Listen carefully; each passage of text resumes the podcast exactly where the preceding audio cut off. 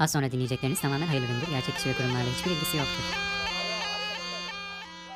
Az önce sepetinin içinde uyuyordu. Bagacısının dürtüklemesiyle dikiliverdi öfkeyle. Saldırı pozisyonunda kobra dansı başladı. Merhaba arkadaşlar ben Kobra 1. Ben Kobra 2. Gündemi zehirlemeye Hak edeni sokmaya geldik. hepiniz Kobra Kobra'nın yeni bölümüne hoş geldiniz. Hoş geldin Kobra 1'cim. Hoş buldum be Kobra 2'cim gerçekten geldim. ben geldim yani. Hoş geldin. Sosyal medya hesaplarımızı hatırlatalım senin gelişin şerefine. Hadi bakalım. Twitter'ımız Cobra Pod, Instagram'ımız Cobra Cobra Podcast. Bizi buralardan takip edip yazabilirsiniz. Şimdi bak hesapları hatırlatmanda hiçbir sıkıntı yok. Ama işte buradan takip edip yazabilirsiniz dediğinde sanki bizim yavru kobralarımıza Hilal Kaplan'ın okuyucularına davrandığı gibi bir davranış sergiliyorsun gibi geliyor bana.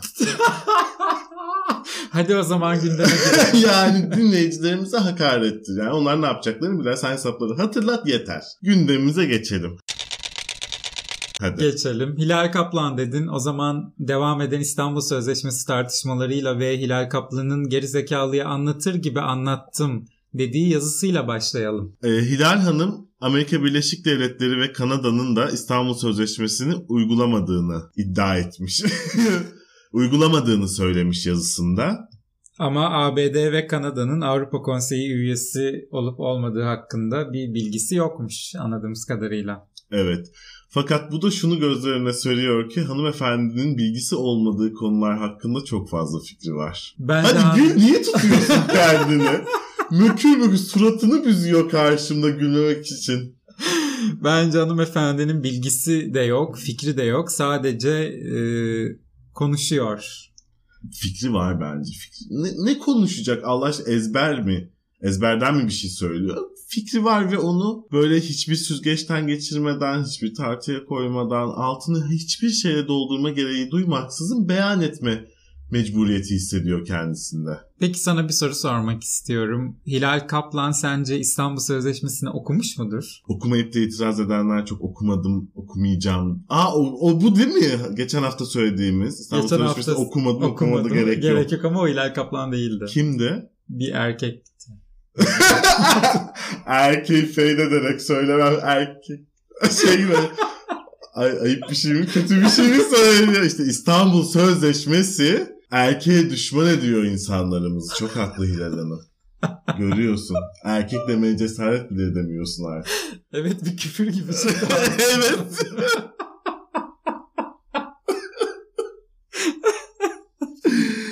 o zaman Hilal Hanım'a e, bu Avrupa Ya Hilal Hanım'a daha fazla bir şey söylemeyelim. Yazıktır, günahtır yani. Bence yine de söyleyelim bunu. Avrupa Konseyi üyesi olup da imzalamayan da sadece iki ülke var. Rusya ve tabii ki kardeş ülkemiz. Azerbaycan. 11 ülke imzalamış fakat henüz yürürlüğe koymamış. Ee, Hilal Hanım'a kötü haber. Yani Hilal Hanım'ın bu tarz kötü haberlerden etkilendiğini düşünmüyorum. Öyle bir yapısı olduğunu zannetmiyorum yani.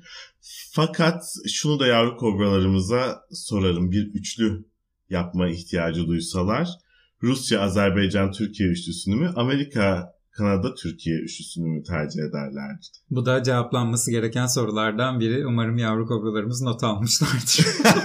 Haftaya sınav var. Haftaya sınav var. Bu konuyla ilgili AKP Genel Başkan Yardımcısı Mahir Ünal'ın da bir açıklaması var. Kendisi İstanbul Sözleşmesi'ni 3. cinsiyet aparatı. olarak nitelendirdi. E, beyefendinin beyanı şu olmuş. İstanbul Sözleşmesi geçtiğimiz 9 yıl öncesinde bağlamından koptu. Asli görevini yerine getirmesi gereken hususlar dışında bütün dünyada maalesef bir üçüncü cinsiyet dayatmanın aparatı haline geldi. Üçüncü cinsiyet yaratma aparatı. Bence TÜBİTAK Dayatma acilen... aparatı. Bence TÜBİTAK acilen bunun patentini almalı. Böyle bir aparat çıkmalı. Veya bu aparatları çok hızlı bir şekilde bulmayı sağlayan bir yazılım da yapabilirler mesela. Üçüncü cinsiyet dayatma aparatı böyle şey gibi düşün. Barkod okuyucu gibi. Böyle yani bireyden kıyafete, bayraktan renge, sözleşmeden kitaba böyle taratıyorsun onunla. Diyor ki üçüncü cinsiyet dayatma aparatı. Merak ettiğim tek bir şey daha var bu şeyde açıklamada. Onu da sormadan hani içim el vermiyor bırakmayı. Beyefendinin anladığım kadarıyla üçüncü cinsiyetle bir problemi var. Beyefendi cinsiyetleri neye göre ve kaça ayırdığını yani biyolojik olarak mı, sosyolojik olarak mı, psikolojik olarak mı açıklarsa ve üçüncü cinsiyet demek de ne ifade etmeye çalıştığını daha net bize sorarsa çok sevineceğim. Çünkü mesela ben okuduğumda ilk şöyle bir düşünce sardı beni. Birinci, ikinci, dördüncü, beşinci cinsiyetle ilgili bir sıkıntımız yok. Ama üçüncüsünü istemiyoruz. Tabii bir de senin söylediğine ek olarak da neye göre ayırdığı da çok önemli. Biyolojik cinsiyete göre mi üçüncü cinsiyeti istemiyor ve bu üçüncü cinsiyet Ne, ne üçüncü cinsiyetle tanımladığı şey tam olarak biyolojik olarak ne, sosyolojik açıdan ne, psikolojik açıdan ne? ya da dediğin gibi toplumsal cinsiyete göre mi bu sayıyı veriyor bizlere bilemiyoruz. Benim bir de merak ettiğim bir şey var. Cinsiyetler ne zamandır sırayla veya sayıyla nitelendiriliyor? Tamam hadi iki cinsiyet var diyelim ki. Birinci cinsiyet hangisi, ikinci cinsiyet hangisi? Çok onu da çok merak ettim şimdi. Bak, Hadi üçüncü cinsiyette ne, ne demek istediğini biliyoruz. İlk ikide kim var? Cüneyt Özdemir beyefendiden bize Bu açıklamaları istiyoruz. istiyoruz. Mahir Bey'i İstiyoruz. konuk alalım. Ya en azından ilk onunu bir açıklasın cinsiyet sıralamasında. Bakalım kaçıncı sırada.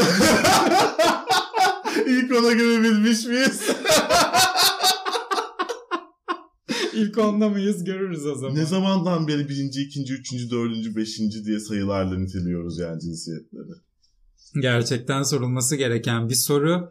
Ayrıca bir soru daha var. Yine Mahir Bey'in söylediklerine ek olarak aslında sözleşmede cinsel yönelim ayrımcılığı yapılamayacağı gibi bir ifade dışında da eşcinsellerle ilgili bir madde yok biliyorsun ki. Ama ya İstanbul Sözleşmesi'nde açık açık işte LGBT bireylerin, daha doğrusu sadece de LGBT bireylerin değil, işte kadın, erkek, çocuk, aile içi bilmem ne diye tanımlamalar var ya böyle.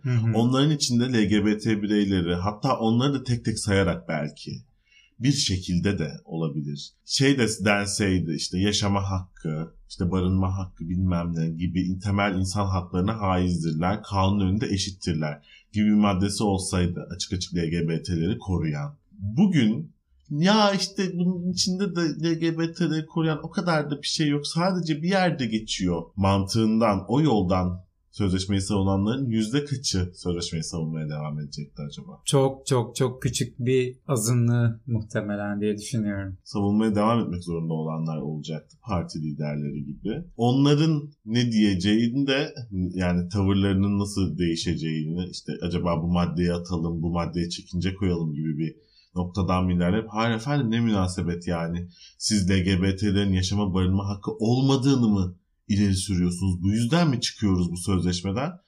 Diyeceklerini çok merak ediyorum. Ben bu soruyu Kemal Kılıçdaroğlu ve Meral Akşener'e sormak isterdim açıkçası. Dedi ve apartmanın önüne beyaz bir tonus yanaştı.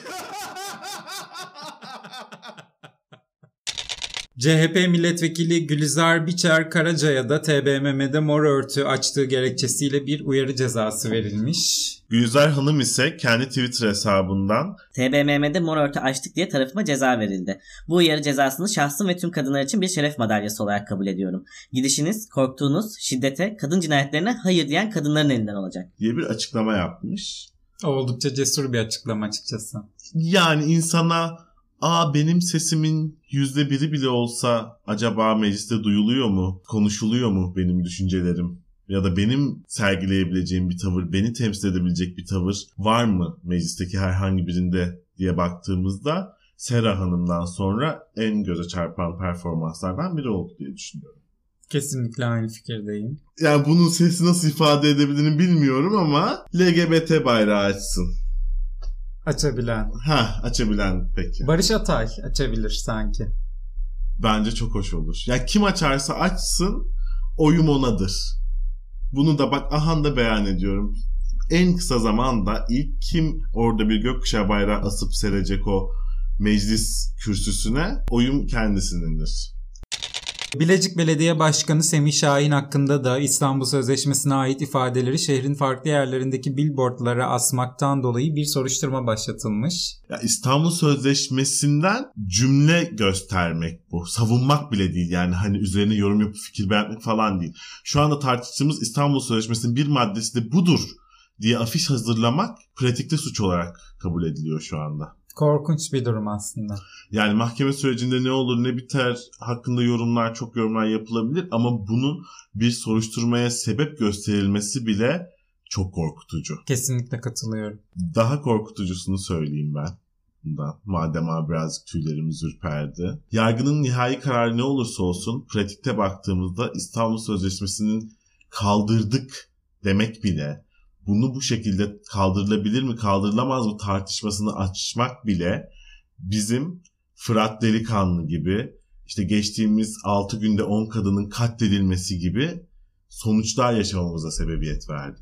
Bir de gerçekten işte Danıştay'ın bilmem kimin Anayasa Mahkemesi'nin onun bunun bütün yollar tükendikten sonra evet arkadaşlar kaldırdık kesindir dendikten sonra yaşanabilecekleri de bir kafamızda canlandıralım isterim. Kaldıranların canlandırmasını daha çok isterim. E, Meral Hanım da bu konuyla ilgili e, bireysel olarak neler yapılabilirin çok güzel örneklerini veriyor. Yiğidi öldür hakkını yeme derler ya hakkının yeme, yenmemesi gereken bir konu bu diye düşünüyorum. Kendisi biliyorsun ki milletvekili değil mecliste bir görevi yok ve bunu şu şekilde değerlendiriyor kendi açıklamaları. Mecliste olmamak, Ankara'da olmamak, meclis kurullarına katılma mecburiyeti olmamak bana genel başkanlık vazifemde daha çok vakit, daha çok titizlenebilme ve daha çok alan açıyor bu görevi uygulamamda. Ben çok memnunum bu durumdan. Yani milletvekili değilim bir partinin genel başkanıyım sadece ve bir genel başkan olarak hareket ediyorum. Bir birey olarak bir noktada hareket ediyorum. Tavrı çok iyi ve Meral Hanım dediğim gibi İstanbul Sözleşmesi'ni yürürlükten kaldıran kararın iptal edilmesi için 29 Mart'ta pazartesi günü bireysel olarak Danıştay'a başvuracakmış. Vallahi Allah muvaffak etsin demek istiyorum. Kesinlikle katılıyorum. Şimdi istersen Vakıflar Genel Müdürlüğü'nün Gezi Parkı'nın devredilmesiyle ilgili yaptığı açıklamaya gidelim. Ya bu durum bana nasıl hissettiriyor kendimi biliyor musun? Ben yeni İstanbul'a geldim ve 2-3 arkadaşım sizle falan görüştüm. Ve konu hep bir noktada ekonomiye geliyor. Yani hepimizin birey olarak aslında en temel gündemi ekonomi. Ama nedense bizim biliyorsun orası üst akıl bizim eremeyeceğimiz bir noktada oldukları için. Ama nedenini merak ediyorum bana açıklamalarını istiyorum. Nedense bizi yönetenlerin ise ekonomiden ziyade gündemleri İstanbul Sözleşmesi ve Gezi Parkı'ymış gibi geliyor. Neden bu insanların gündemi ekonomi değil de Gezi Parkı ve İstanbul Sözleşmesi? Ya bu konuyu kapatmamış mıydık? Yani biz bu sözleşmeyi şu 2004 senesinde imzalamamış mıydık? Gezi Parkı'nın akıbetinin ne olacağına karar verilmemiş miydi? Yani ekonomiyle ilgili soru sorulsa da bir cevabı yok hayatım. Bunu düşünmesi gerekenlerin de buna bir cevabı yok. E var. İşte bu konuda işte ekonomiye cevabı Merkez Bankası Başkanı'na sen stajını tamamladın arkadaşım. Senin yerine başka bir stajyer Merkez Bankası Başkanı çalıştırmayı tercih ediyoruz demesi yani. Onun da getirdiği nokta bizi bir gecede %15'lik artış. Çok büyük bir rakam. Vakıflar Genel Müdürlüğü Sultan Beyazıt Hanı Veli Hazretleri Vakfı'na devredildiğini söylemişler Gezi Parkı'nın ve bu vakıf mazbut bir vakıf. Mazbut vakıf ise Osmanlı ve Selçuklu'da varlığını sürdüren sonrasında herhangi bir temsilcisi kalmayan vakıflar. Gerekçe olarak da 2008'de yürürlüğe giren 5737 sayılı Vakıflar Kanunu'nun 30. maddesini göstermişler. Bu yetmez ama evet anayasası herhalde. 2008 evet o anayasada düzenlenen bir karar bu. Fakat yani mazbut vakıf olmanın ne demek olduğunu ben birazcık da çok azıcık şöyle açayım. Medeni hukuk dediğimiz hukuk kısmında bir hakka ve bir ehliyete sahip olabilmen için kişi olman lazım. Ya gerçek ya tüzel kişi. Gerçek kişi dediğimiz işte canlı kanlı insan. Tüzel kişi dediğimizde vakıf, dernek, bilmem ne, işte parti, işte parti falan diye gidiyor onlar şimdi saymayayım. Bunlar ise tüzel kişilik demek. Mazbut vakıf olması demek sen kişi değilsin demek. Bu da demek ki senin hiçbir fiil ehliyetin ve hiçbir hak ehliyetin yok demek. Hiçbir hakkın ve ehliyetin yok demek. Ya niye? Adı ölü yani ölmüş birisine bir mal vermek gibi bir durum. Bu kişinin mirasçılarına da kalamaz şöyle de yapamaz. Ölmüş insana mal kalıyor. Ee, yani kesinlikle katılıyorum. Ölmüş insana bir mal kalmıyor aslında. Bu mal e, kime kalıyor? Zaten bence buradaki Vakıflar Genel bu. Müdürlüğü'ne kalıyor tabii Vakıflar ki. Genel Müdürlüğü'ne kalıyor tabii ki. Vakıflar Genel Müdürlüğü bunu ne şekilde ve nasıl değerlendiriyor? E, bence sorulması gereken ve çok yakında yayın yasağı gelecek olan konu da bu diye düşünüyorum. Buna ben çok merak ediyorum. Bunu ikinciye böyle ballandırarak anlatıyorsun. Anlatır mısın nedir? 1014 taşınmaz bu şekilde devredilmiş ve bu statüde 53 bin vakıf varmış. Vakıflar Genel Müdürlüğü de şu şekilde açıklamış kendini. Vakıflar Genel Müdürlüğü'nün görevlerinden biri kendisine emanet edilen vakıf mallarına sahip çıkmak, vakıf kurucularının bizlere emanet ettiği her biri bir şaheser olan eserleri koruyup ihya etmek ve bu köklü mirası gelecek nesillere aktarmaktır. Ee, Galata Kulesi, Selimiye Kışlası, Adile Sultan Sarayı, Pera Palas Otel, Vefa Lisesi, Şişli Etfal Hastanesi, Sait Halim Paşa Yalısı Daha gidiyor da gidiyor diyorsun. gidiyor da Bu gidiyor. 1014 taşınmazın içinde yer alan İçinde yer alan- başlıcalar diyorsun. Söylediğin gibi sadece korumak ve gelecek nesillere aktarmak görevini yerine getireceklerse ben çok benim açımdan bir sakıncası yok. Ama yeniden bir değerlendirelim, farklı ele alalım konuları, yeniden yapılandıralım, renovasyon bilmem. O içinde re, o yeniden geçme, reform konuşmuştuk ya. İçinde re geçen bir şey yapmayacaklarsa ben okeyim. Sadece gerçekten gelecek miraslara kalması konusunda bir koruma görevi üstleneceklerse tam kalsın yani onlarda. Aslında şunu merak ediyorum bir taraftan. Bu saydıklarım bile sadece 1014'ünü geçiyorum. 10 tanesi bile yıllık e, milyon liralar getirileri olan yerler buralar. O getirileri getirmez artık o yerler ama. Kime gidiyor bu paralar? Vakıflar Genel Müdürlüğü'ne. Vakıflar Genel Müdürlüğü ne yapıyor bu paralarla? Vakıflar Genel Müdürlüğü görevi neyi gerektiriyorsa onu yapıyorlar tabii ne biçim soru var. Tarihimizi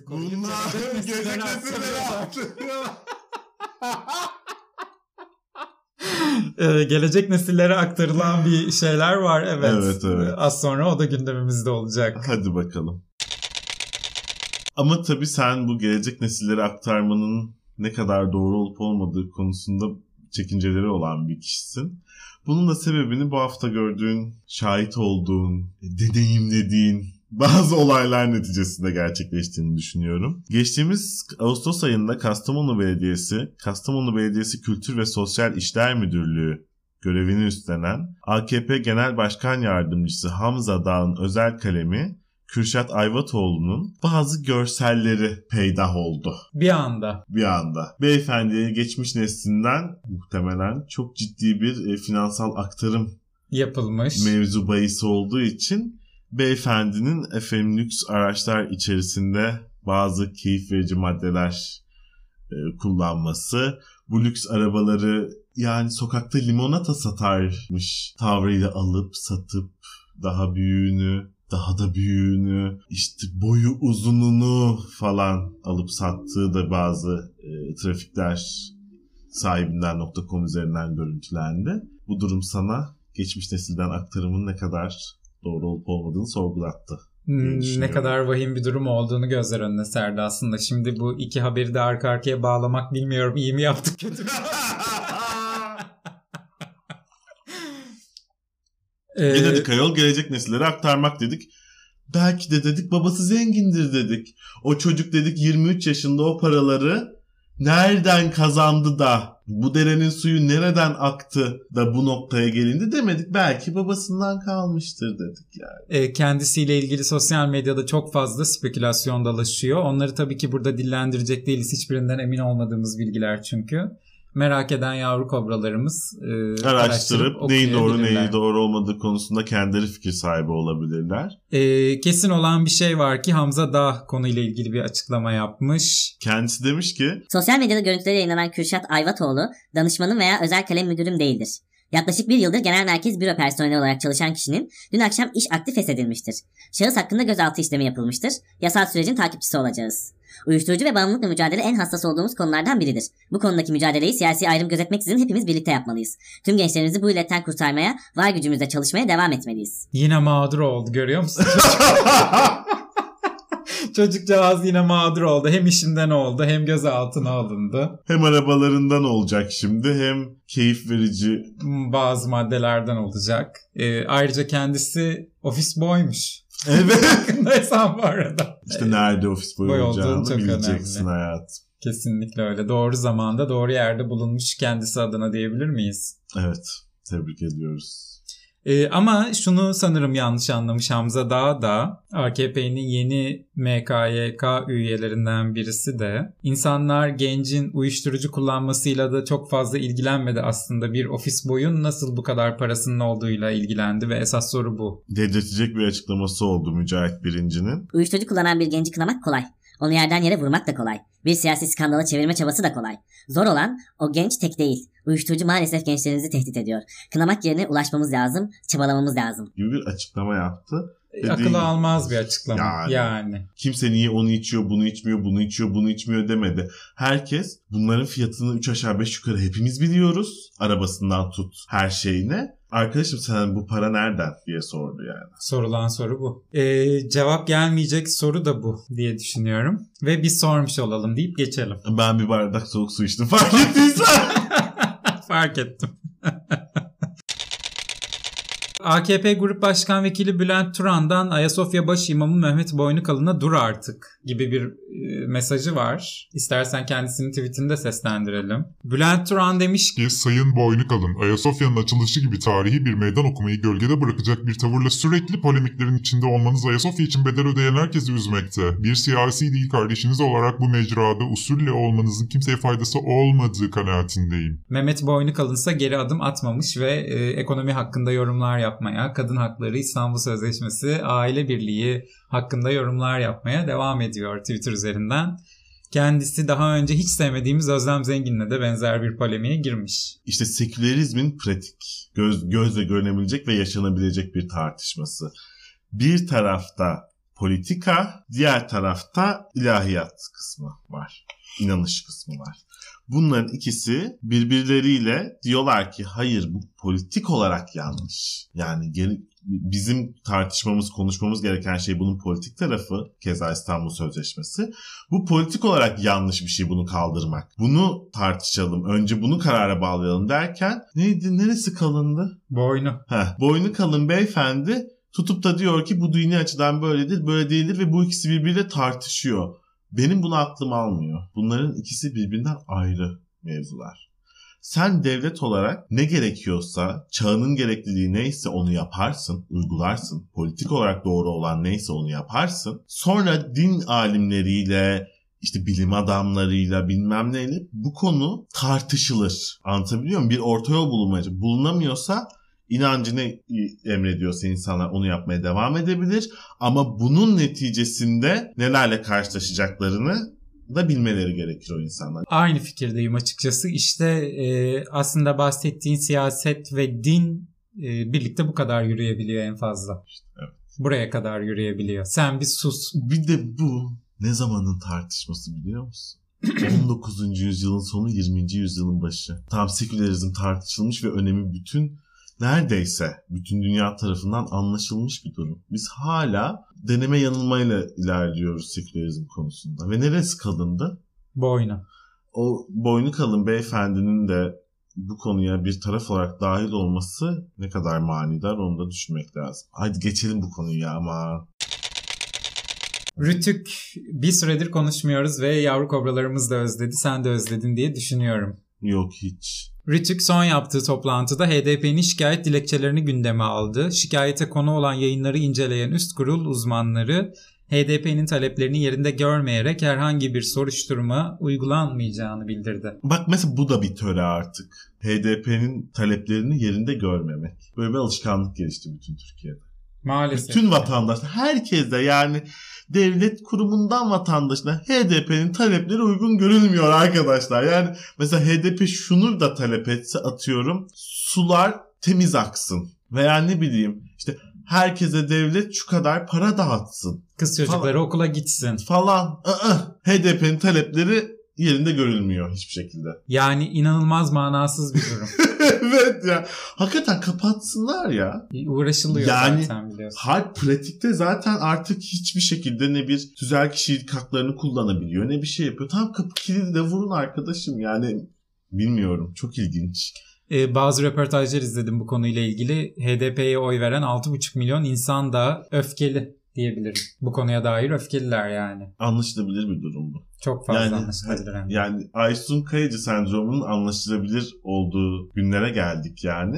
Hani benim bir oyum da mı sayılmıyor çok daha rahat anlarız bence. Rütü'ye geri dönecek olursam Rütük üyesi İlhan Taşçı'nın da Müge Anlı ve ATV isyanı var İktidara yakınlar diye rapor bile düzenlenmiyor. demiş. Sen buna şaşırdın mı? Bu, bu mesela benim gözümde E şaşırmadım daha önce de haberini vermiştik çünkü Ha. 40 bin şikayete rağmen tek bir soruşturmanın bile açılamadığı, tek bir incelemenin bile başlatılmadığını söylemiştik. Bu benim nezdimde haber niteliği taşımayan bir şey. Çünkü iktidara yakın olduğu için o kadar çok kişi o kadar çok iltimas sağlanıyor ki Müge ya da sağlanıyor olması beni şaşırtmıyor yani. Benim gözümde haber niteliği taşımıyor bu olay. Sana iltimas bitmez bende o. Binali Yıldırım Numan Kurtuluş'la birlikte AKP'nin yeni genel başkan vekili oldu. Ee, Binali Yıldırım bir şekilde hayata tutunmaya devam ediyor. dedi ve ayakta kalmıştı kendine oturacak bir yer buldu bence. Bence de. En son duble yol falan övüyordu kendisi. Sonunda istediği göreve kavuştu diyebilir miyiz? Ama ben Ben istediği göreve kavuştu diyemeyiz de şey çok daha doğru oturacak bir yer buldu kendine. CHP'nin bir araştırma önergesi var. Milli Piyango'da doğru gitmeyen bir şeyler var diyor ve e, bu Milli Piyango'nun devredilmesinin pek çok bayiye ve kişisel satışçıya da zarar verdiğini söylüyor. Çünkü bir internet siteleri var kumarhane gibi diyor. Öyle. Kendi Crush'in gerçekten para verdiğini düşün. Evet. Akıl almaz bir yer. Kazı kazan, kuşu uçur, yakala, bilmem takla attır, tavşanı oraya götür falan. O kadar çok oyun var ve bunların hepsi parayla oynanıyor. Ve bunun ücretlendirmesi ve vergilendirmesi nasıl yapıldığı konusunda ya da yapılacağı konusunda bir düzenleme yok. Yani şey demiyor aslında CHP. Ulan 131 milyon oldu şey e, sayısal loto nasıl kimseye çıkmaz gibi bir şey söylemiyor. Diyor ki yani burada bir sürü daha para dönüyor arkada başka oyunlardan. Onlardan nasıl vergi alınıyor? Ama işte oraya da geleceğiz de yeni anayasamız yapılıyor. Her şey daha şeffaf olacakmış ülkemizde artık. Hı. bununla ilgili de düzenlemeler yapılır diye ben düşünüyorum. E Bitcoin ile ilgili de düzenleme yapıyoruz. Bu geride bırakılmaz diye düşünüyorum ben de. Ben de öyle. Bir şekilde Neyse. düzenlerler. Bir şekilde. Fırat Delikanlı isimli şahıs birçok eşcinsel ve engelli kişiyi darp edip görüntülerini sosyal medyada paylaştı ve yeterli gündem oluştuğu için tutuklanarak cezaevine gönderildi. Dedin. Müge Anlı savcılığından sonra Twitter savcılığı da iş gördü diyorsun. Her zaman olduğu gibi. Evet artık dava şartı bile sayılmaya başlanabilir yani. Yeterli gündem oluşturup oluşturmama durumu. Yani yeterli gündem oluşturmasaydı tutuklanacağını düşünmüyordum açıkçası. Bu arada tutuklama değil gözaltı da. Yani tutuklama dediğin şey mahkeme Mahkemesi tarafından olana tutuklu kadar devam cezaevinde Evet, kalacak demek ki oluyor şu kalacak, an evet. İlk duruşmada tutuklu mu tutuksuz mu yargılanacağına karar verilecek. E, darp edilen gençler şikayetçiler. E, bir önemi olacak mı bilmiyorum ama aynı gün bu arada pek çok kişi de sosyal medyadan takip edildiklerini, taciz ve darp edildiklerini beyan ettiler. E şaşırtmadı. Şaşırtmadı. Yani şaşırtmadı. Bunu şimdi şey için söylüyorlar. İstanbul Sözleşmesi'nin yürürlükteyken de bu bunu yapıyormuş. Yani bizim orada bir laf vardır burayı kesersin.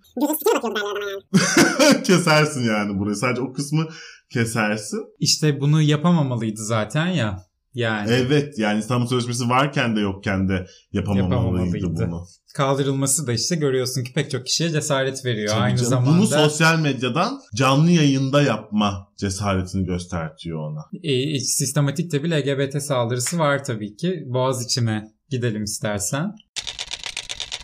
Boğaziçi de oldukça hareketliydi. Geçtiğimiz günlerde 4 öğrenci gökkuşağı bayrağı taşıdıkları gerekçesiyle gözaltına alındı ve olaylar büyüdü. Bu ne demek? Bunu da yani hukuken okur, okuyalım. Bu da şu demek. LGBT'leri temsil eden gökkuşağı bayrağını taşımak gözaltına alınmanız için bir sebep. Ona göre hareket edin. Tıpkı İstanbul Sözleşmesi'ni savunmak gibi. Savunmakla ilgili maddelerini paylaşmak gibi. İstanbul Sözleşmesi'nde bu yazıyor demek gibi. Gökkuşağı bayrağı taşımak da gözaltına alınabilmeniz için bir sebep deyip birazcık olayların nasıl geliştiğine dair detaylara girelim istersen. Girelim. Yani LGBT kriminalize ediliyor mu sorusunun cevabı niteliğinde bir durum bu. Bu konuyla ilgili en doğru bilgiyi herhalde alabileceğimizi düşündüğümüz, geçen bölümde de bahsettiğimiz İstanbul Milletvekili Sera Kadıgil'in tweetleri var. Ben onları seslendirmek istiyorum hızlıca. Lütfen. Öğrenci ön kapının üzerine çıkıp gökkuşağı bayrağı tuttu diye disiplin kurulunda ifade veriyordu. Ona destek için bir kampüsten çıkıp diğerine yürürken aynı bayrağı taşıyan 4 öğrenciyi polis durdurdu. Onları kurtarmaya çalışan 8 kişiyle birlikte 12 kişi gözaltına aldılar. Arkadaşları gözaltına alınan öğrenciler kampüste nöbete başlayıp çağrı yaptılar. Bu çağrı üzerine yola çıkan 14 kişi de bebekten alındı. Birinin burnu kırıldığı ihbarı var. İşte haberde bahsi geçen toplam 26 genç insan böylece gözaltına alındı. Geceyi nezarette geçiriyorlar. Sonrasında da bir destek mesajı yayınlamış.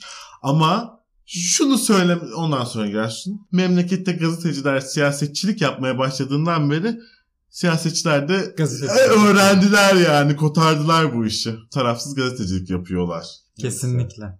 Kesinlikle. E, gözaltı sayısı 50'ye kadar çıktı ve tabii ki hepsi serbest bırakıldı. Yani bir dayanak, bir gerekçe, bir suç olmadığı Olmadığı için kanunlar nezdinde Şimdi tutulabilir miydi? Bürokrasi uzatılıp tutul- tutulurdu. Ama yani artık şunun farkındayız ki hiçbir yerel mahkeme hakimi bile şey istemiyor yani. Bu süreç uzasın saçma sapan bir sebepten hatta sebepsiz yere sebepsiz yani. bir gözaltı veya tutukluluk süreci olmasın diye böyle bir işte bunu da Twitter herhalde sağladı. Ay inanamıyorum ya. Ben bu durumdan çok rahatsızım. Çok kısa bunu bir konuşalım. Ben bu durumdan çok rahatsızım. Gazetecilerin siyasetçi, siyasetçilerin gazeteci olmasından rahatsız olduğum kadar Twitter'ın da böyle bir işlevinin olmasından rahatsızım. Twitter'a mı kaldı bu yani? Bu çocukların içeride ne kadar süre kalacağı çıkacağı ki o neydi o Fırat bir şeyin tutuklanacağı Delikanlı. tutan ne bok. O erkeği küfür gibi söyledin ya gerçekten adam gibi adam diye niteliyorum ben kendisini. Artık kim nasıl anlarsa anlasın bunu. O, onun yani falan Twitter'da mı görülmeliydi bunun hesabı? Arkadaşlar polisimiz, savcımız, hakimimiz, valimiz, kaymakamımız ne yapıyor bizim? İşte Cumhurbaşkanımız sana müjdeyi vermiş aslında kongresinde. Bir yargıtay binası inşa ediyoruz ki dünyada benzeri yok. Merdiven altı adalet dağıtımı vardı ya. Buna son verdik. Bence bunun sebebi Yargıtay'ın binası değil fiziksel bir sorundan kaynaklı olduğunu düşünmüyorum ben bunun. Ben biraz şundan düşünüyorum. Saydım ya tek tek polisi bilmem nesi ıvır zıvırı. Hepsinin tek tek bütün görevlerini tek bir kişiye verirsen gerçekten o insandan çok büyük bir beklenti yaratır bu yani. Şimdi sıcak gündem koronaya gidelim istersen. Temcit pilavı yani gerçekten ne ısıtılıyor ne soğuyor böyle. Ama ne yapalım sürekli bir gündemi var. Sürekli bir gelişme yaşanıyor. Ben buraya geldiğimde fark ettim biliyor musun? Herkes bir şekilde koronanın ne olduğu konusunda kendi fikrini oluşturmuş. Herkes emin yani koronanın ne olduğu. Yani bilim insanları çok önemli kıçını yırtıyorlar. Ne olduğunu nasıl tam olarak hiç her şeyi bilmiyoruz. Hala araştırıyoruz diyorlar. Ama vatandaş herkes emin. Yani bu, bu fikirler birbirine uyuşsa da uyuşmasa da herkesin kendince kişisel kuralları var. Tam olarak o kişisel karakter denen şey uygulanıyor şu anda. Kişisel Koza. kuralları var. Herkes ona göre davranıyor. İşte aynı arabada birinde maske var birinde yok sigara içiyor. Sonra öbürü takıyor maskeyi öbürü çıkarıyor sigara içiyor. Ama yolun geri kalanı maskeyle devam ediyorlar falan. Yani bu seviye bu nasıl geçmeyeceğine inandınız ya böyle bir şey yaparak çıkarın artık o maskeyi yani böyle bir şey yaptıysanız gibi. Anlatabiliyor muyum? Herkesin kendince bazı gün şeyi kuralları var. Koronadan korunma yöntemleri var. Herkes onu uyguluyor. Çok çok güzel bir gözlem bence bu. Ve katıldım. Çok ciddiyim ya. Siz bile korona ile ilgili eminim ki farklı fikirlere sahipsiniz. Ne kadar aynı evde yaşıyor olsanız da koronadan beri. Öncesinde. Muhtemelen. Ve aşısını olan ipini koparıyor. Evet. Böyle bir gerçek. Ben aşı oldum. E ben olmadım. yani. Meçhul de oldu. Yani sıranın bize geleceği. E, tabii aa, gelecekmiş Ayol, müjdeler var. Grip skalasında barajı geçirmemiş insanlarız biz. Korona aşısı nasıl olacağız? Neyse. Allah büyük. Hadi söyle neymiş gündemimiz? Ee, Fatih Altaylı'dan Sağlık Bakanı Koca'ya bir şiir var. Aşılar nerede diye soruyor kısaca. Şiirini seslendirmeye gerek yok. Bence de şiir değil çünkü o öyle. bir- Tabii aşılar nerede? Onu ben bilmiyorum. Sağlık Bakanı da diyor Ay, ki... bu bir de bana sorulacak soru değil. Beyefendi muhatabına sormuş yani. Yani. Muhatabı da cevap vermemiş. Sağlık Bakanı diyor ki diye girdim. Sağlık Bakanımız da diyor ki Planlarımıza göre 100 milyondan fazla doz aşının tamamı Mayıs sonuna kadar elimizde olacak. yani size uygulayacağız vuracağız demiyor. Elimizde olacak Elimizde diyor. olacak diyor Mayıs sonuna kadar. Elimizin altında 100 milyon olacak diyor. Bakalım kime gidecek Survivor. Yarış başladı biliyorsun.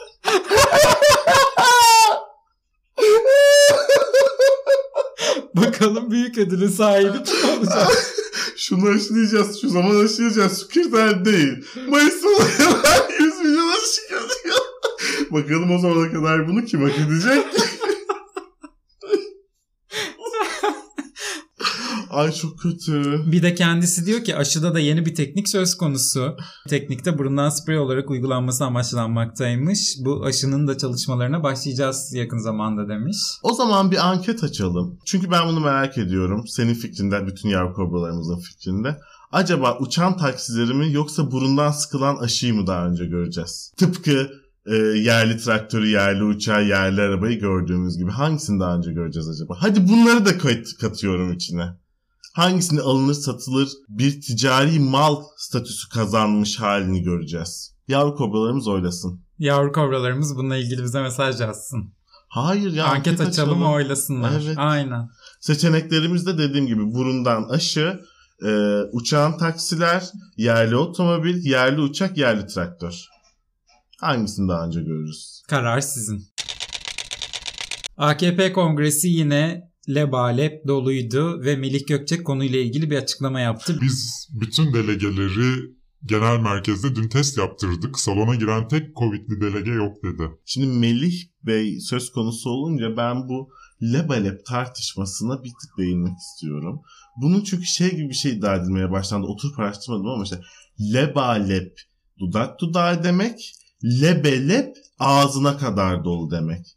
Biz dudak dudağı demedik, ağzına kadar dolu dedik aslında gibi bir şey var lebalep konusunda böyle tartışma yürütülüyor şeyde sosyal medyada niyeyse anlamadım. Sanki biri diğerinden daha iyiymiş. İyiymiş Yani ya da kötüymüş. biz şey mi demek istiyoruz yani öpüştüler kongrede demek istemiyoruz. Ha dudak dudağı ha ağzına kadar dolu. Koronada böyle bir şey yaşanıyor yani diyoruz. Yine Böyle- farklı yerlere odaklanılıyor. Evet. Dudak dudağı mıydı ağzına kadar dolu muydu? Biz de e, bu testlerin niye diğer illerde ilçelerde az kaldığını merak ediyorduk. Bunu da Melih Bey bize söylemiş oldu yani. Ama diğer partilerin üyeleri bu ayrıcalıktan faydalanabiliyor mu? Ya da biz neden bu teste olmak için 250 lira vermek zorundayız? Bu cevapsız soru. Sen bunu işe gitmek, para kazanmak için bencilce, hayatta kalabilmek için istediğin bir şey bu senin. Ama AKP delegelerinin isteği On- hepimiz için. onlar Cumhurbaşkanımızı AK Parti Genel Başkanı seçme gibi bir kutsal göreve tabi insanlar ve o yüzden o insanların testinin de yapılması, gerekirse aşısının da yapılması senin benim çalışmam, para kazanmam, kiramı ödeyebilmem, yemek alabilmemden çok daha önemli bir şey. Ne haddine yani. Bu arada şey de söyleyelim o zaman madem ah yazmışsın Hindistan'da çift mutasyonlu virüs ortaya çıkmış ve daha bulaşıcı olduğu ve bağışıklığı aşabileceği öngörülüyormuş. Bu arada bizim memlekette de 50'den fazla şu an muhtemelen. Yani bir de şeyi de görme şansım oldu benim bak. Yerel yönetime yükleme her şeyi. Kaymakam kapatsın, vali açsın, vali kapatsın, İçişleri Bakanlığı açsın gibi uygulamalar var okullarda okullarda. Kırklareli'si valisi Osman Bilgin de görev bilmiş kendisine. Sosyal medya hesaplarında maskesiz ve sosyal mesafe ihlal eden görüntüler paylaşanlar hakkında yasal işlem yapacağını duyurmuş. İşte Black Mirror. Bence bu. Bir tık. İşte Hilal Kaplan'ın İstanbul Sözleşmesi hakkında fikir beyan etmesi gibi bir durum bence. Bence de. Ya Neyse. fotoğraflar eskiyse ne olacak? Sen de nelere takılıyorsun ya. Yani çok korkunç bir olay değil mi? Ya yazacaklarını mı zannediyorsun? Saçmalama. E tabii, Gündem yazılmaz. olunuyor işte. Ay doğru. Koronavirüs tedbirlerini ihlal edip ceza kesilen vatandaşların banka hesaplarına bloke konmuş. Aa yazılıyormuş diyormuş. Yazılıyormuş. bunlar sosyal medyadan değil ama Değil bunlar değil. mavi saçta Sokakta. mavi saçta sokağa çıktınız diye yazılan cezalar bunlar. Sosyal Evet. medyada yan yana fotoğraf koydunuz diye değil. Bakalım o olacak mı? E, bu banka hesaplarına bloke konması da çok vahim bir olay değil mi hayatım? Devlet parasını her türlü tahsil eder. Ki e, bu kongrelerden kongrelerden sonra bu cezaların kimlere senin dediğin gibi mavi saçlı e, hanımefendiye e, aynı evde yaşayan karı kocaya e, işte eczane içerisinde ağızlarında maskeyle oturan 3 kişiye vesaire vesaire yazıldı bunların büyük çoğunluğu da. Ay geçmiş olsun. Gerçekten Covid artık geçmiş olsun ya. Konuşmak bile istemiyorum. Konuştukça canlı tutuyormuşuz gibi geliyor bana. Yeter. Hadi yeter geçelim. Covid'e. Deva Partisi'nin Adana Kongresi de leba lep doluydu bu arada. Bunu da söylemek istiyorum. Hadi madem o kadar yerel yönetimlerden bahsettik. Bir iki tane yerel yönetimine değinmeden geçmemizi istemiyorsun bakışlarından anladığım kadarıyla. Ee, AKP'li Trabzon Belediye Başkanı 898 bin liraya makam odasında mobilya almış. Bunu ben anneme söyledim. Böyle iki saniye falan ikimiz de sustuk. Dedim ki sonra ne aldığını düşünüyorsun değil mi dedim. Yani çünkü o dakika ben yani ne almış olabilir diye düşünüyordum. Ve annem de susunca onun da aynısını düşündüğünü fark ettim. 898 bin liraya nasıl ve ne kadar bir mobilya alınmış olabilir bir odaya? Yani ben altın varaklı mobilyalar hayal ettim açıkçası. Gerçek altın. Senin aklın fikrin bir altında bir de varakta yani. Kılıçdaroğlu'nun bazı açıklamaları oldu. Bence ileri geri açıklamalar bunlar. Ya bu nasıl bir şey ilerliyor burada biliyor musun? Şu HDP-CHP ilişkisinde. Bizim böyle ilkokul birinci sınıftayken falan birbirlerine aşık olduğunu düşündüğümüz arkadaşlarımıza şöyle bir şey yapardık. İşte ya kızı çocuğun üstüne ya çocuğu kızın üstüne böyle o biri otururken atardık. Kucak kucağa düşsünler diye kakır kakır gülerdik ondan sonra. Müthiş bireyler. Alttaki üsttekini mutlaka iterdi. Ne yapıyorsunuz ya gerizekalılar diye bize bağırırdı falan. Bu HDP-CHP ilişkisinde böyle görüyorum. Böyle AK Parti birini birini kucağına itiyor. Ve iki tarafta hayır efendim orası onlar Millet İttifakı'nda değil biz ittifak değiliz desteklemedik birbirimizi falan gibi açıklamalar yapmak zorunda bırakıyor. Ya tamam gelmeyin bu oyuna artık. Bunu herkese söylediniz. Oturup da biz birlikteyiz değiliz açıklaması yaparak durmayın. evet yani Millet İttifakı'nda biz dört partiyiz demiş. CHP, İyi Parti, Demokrat Parti ve Saadet Partisi. bunlar da şey gibi yani pokerdeki en düşük el 4 benzemez biliyorsun. Yani ben Saadet Partisi'nin alakasını bulamadım bu denklemde. Kötünün iyisi. Lanse edilenler de 4 benzemezler yani. Gerçekten de öyle. Herhalde Saadet Partisi ile CHP'nin tek ortak noktası Sayın Cumhurbaşkanımız Tayyip Erdoğan'ı istememek. Başka bir ortak noktaları olduğuna inanmak istemiyorum. Mesela şey de var. Oy kullanılmaya devam edilsin. İnsanlar öldürülmesin falan gibi de ortak noktaları var aslında. Yani Saadet Partisi'nin de bu ittifaka kazandırdığı %0.98'lik bir oy. işte İstanbul Sözleşmesi'ni kaldırdık kaldırmadık muhabbeti yapılarak da bu yüzde 0.8'lik oyu 1'e 2'ye çıkarıp Cumhur İttifakı'na dahil edebilir miyiz şeyleri, çalışmaları. Ama boş ver ya aman. Neymiş? İstanbul işsizin başkenti oldu. İstanbul'da herhangi bir işte çalışmayanların sayısı ilk kez 10 milyonun üzerinde. Kente çalışan her bir kişi çalışmayan iki kişiye bakıyor. 15-34 yaş arası çalışan sayısı 2011'den bile daha az. Bunu buraya yazmışsın. Bu sebeple seni bu masonik ve türban karşısı açıklamalarından dolayı kınıyorum. Bununla ilgili konuşmak dahi istemiyorum. Yazıklar olsun sana. İşçilik Bunu oranımızı hatırlatalım. Bence bunun Hayır. karşısında işsiz... Sana işçilik oranı hatırlatma şeyini dahi vermiyorum. Sen masonik marksist cephesin sen şu anda. ve türban karşıtıyım. Karşımda seni görsel olarak Amerikan Siding olarak görüyorum. Sen benim için bir cephesin şu anda. Ee, bir yeni bir haberimiz var. Atatürk kabartmasının devlet madalyalarından çıkarılmasının nedeni açıklandı. Devlet nişanı verilecek Arap liderleri ve iş adamları Atatürk abartmalı nişanlardan rahatsız oluyor. Onları rahatlatmak için kaldırdık. Ne kadar arkadaşça bir tutum. Değil mi? Zengin dostumuzun içini ferahlatmak için, dostumuza destek olmak, onun duygularını incitmemek için ne kadar öz şahsiyetimizden şeyler veriyoruz, tavizler veriyoruz. Çok gerçekten çok arkadaş canlısı bir E ama bak ekonomiyle ilgili neler yapılacak diye sabahtan beri burada sorup duruyorsun. Böyle hamleler yapılıyor ekonomi devam etsin diye. Hani dostlarımızın gönlünü hoş tutuyoruz. Tabii. İyi. Her her iki işsizden birine çalışan bir kişi bakıyor. Bize de iki Arap neyse kimse kimseye bakmasın lütfen. Ha, Rabbim herkesin kendi kendine bakabildiği günlere bir an önce Nasip erdirsin bizi yani. Programımızın yavaş yavaş sonlarına geldiğimizi anlıyoruz. Çünkü Cumhurbaşkanı köşesindeyiz. Önce Cumhurbaşkanımızla ilgili en önemli haberi verelim. Daha öncesinde programın başlarında da bazı yerlerde hatırlattık ama bu önemli bir şey. Cumhurbaşkanımız yeniden AK Parti Genel Başkanı seçildi. Evet. Kongre öncesi Mahir Ünal 19 yılda yaptıklarımız bir hazırlıktı. Şimdi yeni başlıyoruz. dedi. Dı dı dı dı. İşte biraz e, tabii sakin kalınması gereken bir açıklama olduğunu düşünüyorum. Ben çok cesurca ve şeffaf bir açıklama olduğunu düşünüyorum. Ben de öyle. Diyor ki 19 yılda yaptıklarımız yapacaklarımızın garantisidir. Yani biz diyor bir yıl, iki yıl, üç yılımızı kabul ediyoruz. Diğerlerini biraz hatalıydık, ders çıkardık falan değil. 19 yılda ne yaptıysak bundan sonra da ona devam edeceğiz. Buyurunuz efendim diyor bence. Çok şeffaf bir yaklaşım. Ve e, umarız da bu şekilde algılanıp değerlendirmeye alınır herkes tarafından diye düşünüyorum. Bravolar. Kongre öncesi açıklamalar konuştuk. Şimdi kongrenin başına gidelim istiyorum ben.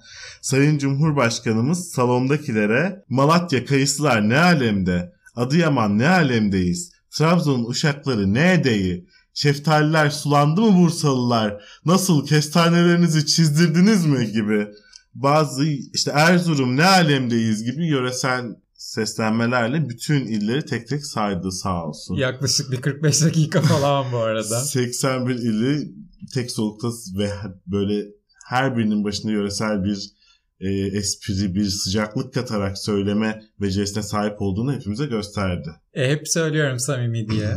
Ve e, kendisinin de beklentileri geçen hafta arttırdığını söylemiştik aslında bu kongreyle ilgili. Bir günlerdir bir konuşma hazırlıyorum. Adeta 2023'ün manifestosu olacak gibi e, büyük bir beklentiye sokmuştu bizi ama e, beklentimiz karşılandı mı? Karşılandı canım. Bence bu açık açık şey diyor yani il il hepinize ne yapacağıma karar verdim. Daha yeni başlıyoruz. Şeyinde dediği gibi. Mahir. Mayrol dediği, dediği gibi yani şimdi yeni başlıyoruz diyor. Erdoğan davetiye gönderilip kongre salonu dolduğu gerekçesiyle içeri alınamayan kalabalıklara da seslendi ve dedi ki Kar yağışının tüm mikropları temizlediği bu anlamlı buluşmada hepinizi selamlıyorum. müthiş bir ısınma taklidi Cumhurbaşkanımızın sıcacık bir selamı. Kesinlikle öyle. Bizatihi sana Kesinlikle öyle. yöneltilmiş. Kesinlikle. Bütün ben oradaki bütün mikroplar oluyorum muhtemelen. yani tabii kar yağışı bütün mikropları öldürüyor mu öldürmüyor mu? Bu bu da tabii ki Sağlık Bakanı ile birlikte alınması gereken bir karar bence. Ne münasebet. Cumhurbaşkanımızın bir açıklaması olacak. Sen onun üstüne bir bilen kişiden açıklama bekleyeceksin. Asla haddimize değil. Cumhurbaşkanımız bir şey söylediyse o öyledir. Kongrede anayasa değişikliğinden de bahsetti. Bu anayasa tarih periyodu içinde artık geçerliliğini kaybetmiştir. Türkiye bütün yeni bir anayasa için hiç olmadığı kadar hazırdır. dedi. Hiç olmadığı kadar. Gerçekten öyle. Ayrıca devam etti. Tarih periyodu içinde geçerliliğini yitirmiş bir anayasa olduğu konusunda hemfikir olmamız konusunda bu arada çok memnunum. Ama anayasa dediğin şey işte tarih periyodu içinde geçerliliğini yitiremeyecek niteliklere sahip bir metin olmalı diye düşünüyorum. Ben de öyle düşünüyorum. Umarım ki kendisi de öyle düşünüyordur. Bence öyle düşünüyor ve demiş ki yeni anayasa açık ve şeffaf bir sürecin ürünü olarak hazırlanacak. Mümkün olan en geniş mutabakatla ortaya çıkacak. Milletin onayına sunulacak. ya ben böyle olursa çok tamamım buna yani. Bu şeffaflık, açıklık olacaksa içinde gayet güzel nitelikler bana kalırsa. E tabii e, ne olacağını da bilmemiz gerekiyor. Şimdi vatandaşlarımıza da bazı görevler tayin etti Sayın Cumhurbaşkanı. Ekonomiyle ilgili nasıl çözümler alınacak diye merak ediyordun sabahtan beri. Cumhurbaşkanımızın bizzat kendi önerisi var. Şeye de bir, bir- şuna da çok azıcık bir dikkat çekmek istiyorum. Çekelim. AK Parti Genel Başkanı seçilmekte olan Cumhurbaşkanımız AK Parti Genel Başkanı seçildikten sonra Cumhurbaşkanı kimliğiyle bize bazı görevler tayin etti. AK Evet. Parti Genel Kongresi'nde. Müthiş. Kafalar karıştı biraz. Bana neyi hatırlattı biliyor musun? Bana 29 basamaktaki bir sahneyi aldı. Okan Yalabık orada böyle şapkalarla o şapkayı çıkarıp o karakter olup o şapkayı çıkarıp bu karakter olup böyle 5-6 şapkayla çok güzel bir tirat yapıyordu. Bana onu hatırlattı bu durum. Sayın Cumhurbaşkanımız dedi ki yastık altındaki paralarınızı bozdurun. Tavsiyesi de bu oldu yani. Evet. Yatırım yapmaktan korkmayın dedi. Türk ekonomisinin ne kadar güçlü olduğundan uzun uzun bahsetti. Ne güzel ama değil mi? Birisi neyin kabaracağından neyin kabarmayacağına, yastığınızın altından ne olup ne olmayacağına kadar böyle her şeyi senin adına düşünüyor. Ve işte senin yastığının altında ne var peki? Bozdurmaya kalksan yastığının altından ne çıkar? Sıfır. Benim de öyle. Neyse en son İstanbul Sözleşmesi ile ilgili açıklamalarda bulunan Cumhurbaşkanımız Biz kararımızı verdik, gireriz ve girdiğimiz gibi de çıkarız. İşte o kadar. işte o kadar. Girdiğimiz gibi de çıkarız biliyorsun. Bu konuyla ilgili Mustafa Şentop da Türkiye Büyük Millet Meclisi Başkanı Mustafa Şentop Habertürk'te katıldığı canlı yayında da bir takım sözler sarf etti. Cumhurbaşkanı İstanbul Sözleşmesi'nden kararname ile çekildiği gibi Montreux'den de diğer uluslararası anlaşmalardan da çekilebilir. Dedi. Sana sıradan bir vatandaş olarak tek bir soru soracağım. Montreux ve diğer uluslararası anlaşmalar dediğimde Montreux'dan sonra aklına ilk ne geliyor? Lozan. Çok tehlikeli bir laf değil mi? Montreux'dan ve Çok diğer tehlikeli. uluslararası sözleşmelerden. Yeter. Bence de yeter bu haftayı sonlandıralım. Hadi buluştuk azıcık sohbet edelim dedikodu yapalım. Gelir gelmez işimizin başına oturduk yani. Bir özlem giderelim. Yavru kobralarımıza dinledikleri için teşekkür edelim. Sosyal medya hesaplarımızla ilgili ne yapmaları gerektiğini söylemeyelim. Evet lütfen. Haftaya görüşmek üzere. Kendinize dikkat edin. Haftaya görüşürüz. İşleri bitince sakinleşiyorlar. Sonra yeniden sepete. Neyse ki buna razılar. Aksi halde yılanların öcü durumu ortaya çıkardı.